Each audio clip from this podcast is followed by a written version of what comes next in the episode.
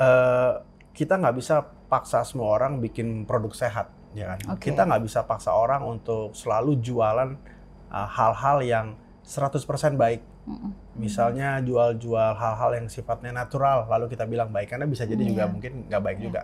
Iya. Karena ada satu istilah yang bilang ya apa pun yang berlebihan kan nggak baik. Nggak baik. Tapi eh, menjadi pemilik usaha yang memiliki brand yang bertanggung jawab nah, itu menjadi penting. Mhm. Ketika kita menjualan berjual sesuatu yang akan mengarahkan orang kepada diabetes atau mengarahkan orang kepada kolesterol yang tinggi misalnya, Iya. tentu kita tidak akan berbicara ayo beli sebanyak-banyaknya produk saya, Iya. ayo makan sebanyak-banyaknya dari pagi sampai malam gitu ya. Kita Iya. pasti akan berkomunikasi dengan cara yang lebih smart. Kita Mhm. akan berbicara dengan uh, komunikasi yang lebih wise. Iya. Bagaimana mengajak lebih banyak orang Iya. untuk berpartisipasi. Smart Business. Hai sahabat semuanya, smart listener. Di kesempatan kali ini senang banget bisa ngobrol bersama dengan so- eh, seorang eh, praktisi, kemudian juga seorang yang punya dedikasi yang sangat besar banget untuk brand-brand Indonesia bisa terus berkembang, terutama brand-brand lokal. Saya bersama-sama dengan Mas Arto Biantoro. Hai Mas Arto, Merdeka. merdeka.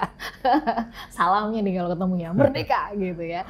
Mas Arta, kita lihat eh, sekarang ini kan banyak banget ya eh, brand bermunculan, brand-brand baru, brand-brand lokal gitu. Eh, di tengah situasi yang kita lihat sempat lah ya eh, tidak oke gitu ya karena pandemi dan sebagainya. Tetapi kemudian kita lihat juga nih kecenderungannya, brand-brand ini seperti berlomba-lomba profit ya untuk dapetin profit. Sebenarnya ada nggak sih sisi lain ya dari brand gitu ya yang artinya dia punya tanggung jawab di Hmm, sisi yang hmm, lain untuk eh, bukan cuma sekedar laku, bukan cuma sekedar profit begitu Mas Arto.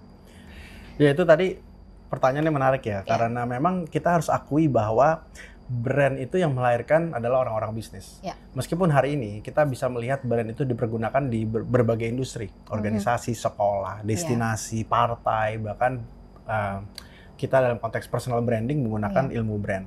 Tapi originalnya tuh memang ilmu brand itu diambil dari uh, orang-orang bisnis balik ke abad ke uh, 1800-an ya. 1800-an itu kita melihat bagaimana penggunaan dari sisi bisnis itu sangat kuat sekali dan kemudian diikuti oleh kelahiran radio dan televisi Mhm. di awal 1900-an.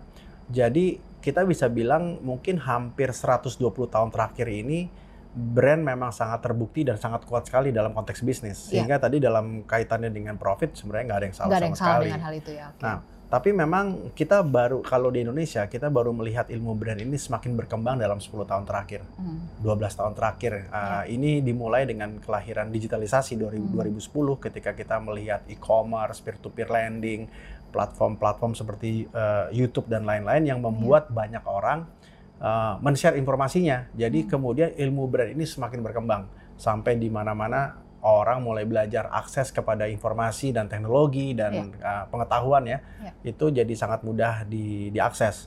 Sehingga ilmu brand ini kemudian banyak dipergunakan oleh teman-teman dan khususnya bagi teman-teman muda yang baru Hmm. memulai usaha Hmm. uh, bahkan sudah aware tentang, Tentang brand, itu brand sendiri. ya, oke. Jadi sekarang udah bukan sebuah kekuatan atau keunikan lagi ketika kita belajar ilmu brand karena sekarang Hmm. semuanya sudah bisa ilmu Hmm. brand. Nah, tapi eh, kemudian yang menjadi tantangan terbesar adalah bagaimana eh, brand itu hari ini eh, bisa menjadi bagian solutif bagi isu-isu yang Hmm. yang terjadi di sekitar kita. Iya. Kalau kita melihat konteks tadi, ketika Mbak Ola bicara soal profit misalnya, memang nggak salah gitu. Iya. Sebuah brand itu eh, adalah fokus kepada profit.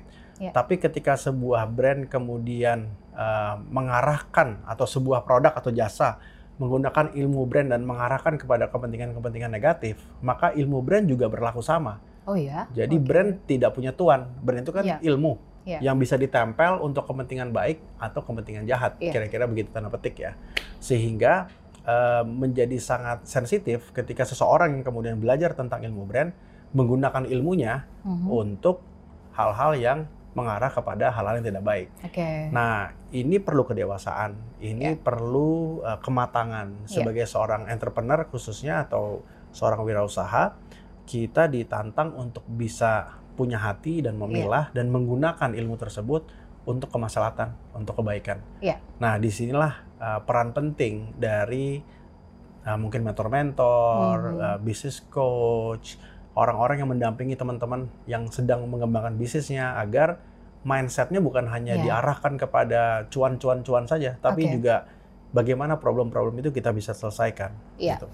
Eh, namun kan eh, Mas Arto ya dalam perkembangannya ya, eh, yang tadi Mas Arto sampaikan begitu, eh, akhirnya banyak juga orang yang akhirnya terbentur dengan kepentingan yang eh, mereka seperti di persimpangan. Ini saya mau mengedepankan idealisme begitu, atau kemudian saya mau eh, menguatkan strategi bisnisnya karena ada tujuan, ada target dari dari si pemilik brand itu sendiri kan yang ingin eh, dicapai begitu Mas Arto. Nah mengatasi ini gimana? Ya tentu yang pertama eh, kita nggak bisa paksa semua orang bikin produk sehat, ya kan? Oke. Kita nggak bisa paksa orang untuk selalu jualan eh, hal-hal yang 100% baik. Misalnya jual-jual hal-hal yang sifatnya natural, lalu kita bilang baik, karena bisa jadi juga Iya. mungkin nggak baik Iya. juga. Iya. Karena ada satu istilah yang bilang ya apa pun yang berlebihan kan nggak baik. Nggak baik. Tapi eh, menjadi pemilik usaha yang memiliki brand yang bertanggung jawab itu menjadi penting. Mhm. Ketika kita menjualan berjual sesuatu yang akan mengarahkan orang kepada diabetes atau mengarahkan orang kepada kolesterol yang tinggi misalnya, Iya. tentu kita tidak akan berbicara ayo beli sebanyak-banyaknya produk saya, Iya. ayo makan sebanyak-banyaknya dari pagi sampai malam gitu ya. Kita Iya. pasti akan berkomunikasi dengan cara yang lebih smart. Kita Mhm. akan berbicara dengan uh, komunikasi yang lebih wise. Iya. Bagaimana mengajak lebih banyak orang untuk berpartisipasi. Ya, Mas Harto, seru banget kalau ngomongin soal brand yang bertanggung jawab ya. Karena Mhm. situasi sekarang ini eh, tantangannya adalah berkejaran gitu antara eh, idealisme dengan kemudian eh, target atau goals yang mau dicapai dari sebuah pem, dari sebuah brand dari si pemilik bisnisnya sendiri.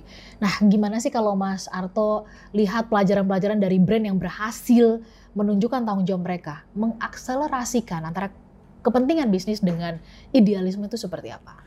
Ya sebenarnya ini bukan soal idealisme sih, karena kita tinggal di bumi yang sama, planet yang sama, lebih Oke. spesifik lagi lingkungan yang sama. Sama-sama. Ini masalah sekarang atau nanti aja. Ah, Jadi kalau oke. kita bicara brand yang bertanggung jawab, biasanya brand-brand yang kemudian uh, tumbuh lewat waktu, dia juga akan sadar bahwa uh, kita perlu lingkungan yang lebih baik gitu kan. Iya. Dan biasanya dalam konteks seperti itu kesadarannya di- dibangkitkan. Mhm, Uh, mhm, Tapi kadang kita juga harus melewati proses itu. mhm. Uh, nggak semua brand-brand yang memproduksi produk-produk yang dalam tanda petik tidak baik tadi Iya. uh, itu juga bersalah gitu. Iya. Uh, uh, uh, tapi mereka harus mengambil peran, gitu Iya. kan? Kira-kira kalimatnya begitu. Karena kenyataannya mereka juga membuka lapangan pekerjaan kan. Betul, betul. Dan, dan jadi nggak semuanya jelek, tapi Mhm. juga harus ada keseimbangan. Jadi kalau kita Mhm. bicara keseimbangan, artinya bagaimana kita bisa bertanggung jawab terhadap Mhm. bisnis kita bagi orang lain dan bagi orang yang uh, uh, menikmati bisnis kita. Iya. Kalau kita kemudian uh, hanya fokus kepada profitabilitas saja, maka selalu akan ada unsur-unsur lain yang kemudian mendorong kita atau kemudian Mhm. membuat kita menjadi tidak seimbang tadi. Iya. Nah, sebenarnya dalam konteks pendekatan itu bukan hanya kita bicara soal profit sebesar-besarnya, tapi kita bicara bagaimana menjaga ekosistem sebaik-baiknya. Iya. Uh, ada satu pendekatan uh, yang ditulis oleh John McKee, uh, namanya conscious capitalism. Jadi conscious capitalism ini adalah bagaimana kita bisa punya uh, omset yang banyak, tapi di satu sisi kita juga harus mampu uh, secara conscious mikirin orang lain. Contohnya misalnya kalau dalam bukunya dia cerita ada seorang penjual uh, supplier keju misalnya gitu ya, yang produknya nggak bagus. Lalu kalau dalam pure capitalism ya udah dipecat, cari supplier yang lebih bagus lagi. Ya. Tapi dalam conscious capitalism pendekatannya adalah dia bertanya kenapa kamu uh, supply kejunya nggak bagus? Kalau di versi kita mungkin kopi kali ya. Iya, iya. Kenapa kopinya nggak bagus? Oh karena alat saya rusak. Iya. Kenapa nggak beli alat baru? Karena saya butuh uang untuk uh, sekolah anak-anak. Jadi Iya. ketika itu terjadi, pilihannya gampang. Kita tinggal ganti orang itu Mhm. dengan supplier yang baik, Hmm, eh, supplier yang hmm. lebih bagus atau Hmm. yang sesuai dengan uh, standar ya. Hmm. Uh, tapi kita bisa bilang uh, karena kita sudah berkenal lebih dari tiga tahun, Anda telah supply ke dalam bisnis kita bertahun-tahun. Bagaimana kalau saya beliin mesinnya, nanti kamu cicil saya potong Mhm. sehingga dia tidak memutus mata rantai itu tapi dia membangun uh, apa namanya uh, inisiatif berbasis ekosistem tadi Iya. sehingga dia harus kalau kita seorang pebisnis berarti kita memotong profit kita tahun itu Iya. untuk membantu supplier kita yang membutuhkan. Iya. Nah, itu konteks yang sama ketika Iya. kita bicara brand yang bertanggung jawab, bagaimana dia bisa menjaga ekosistemnya dengan baik sekaligus konsumennya ya kita bicara Iya. stakeholder dan itu eh, menurutku itu bagian dari proses kedewasaan seorang wirausaha. Oke, cukupkah kalau seorang pebisnis sekarang yang banyak ya eh, berkembang nih em, sebagai bentuk tanggung jawab dia, artinya brand ini bertanggung jawab ditunjukkan dengan program CSR. Cukup nggak tuh mas?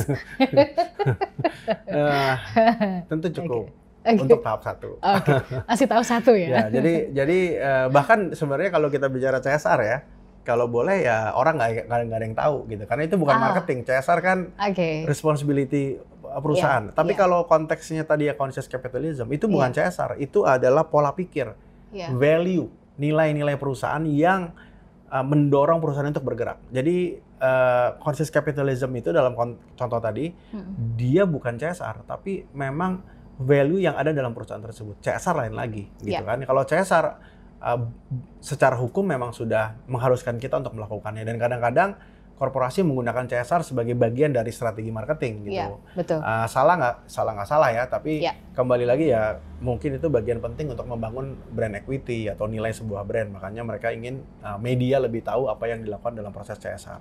Tapi kalau pertanyaan kembali ke awal, tentu itu langkah pertama gitu. Langkah pertama uh, mengeksekusi CSR-nya dengan baik dan benar dan tepat itu sudah bagus. Oke, Mas Harto, thank you banget di topik ini kita akan sudahi ya soal brand yang bertanggung jawab. Tapi smart listener, nanti kita akan jumpa kembali di seri berikutnya di topik yang tidak kalah seru. Tetap bersama dengan kami.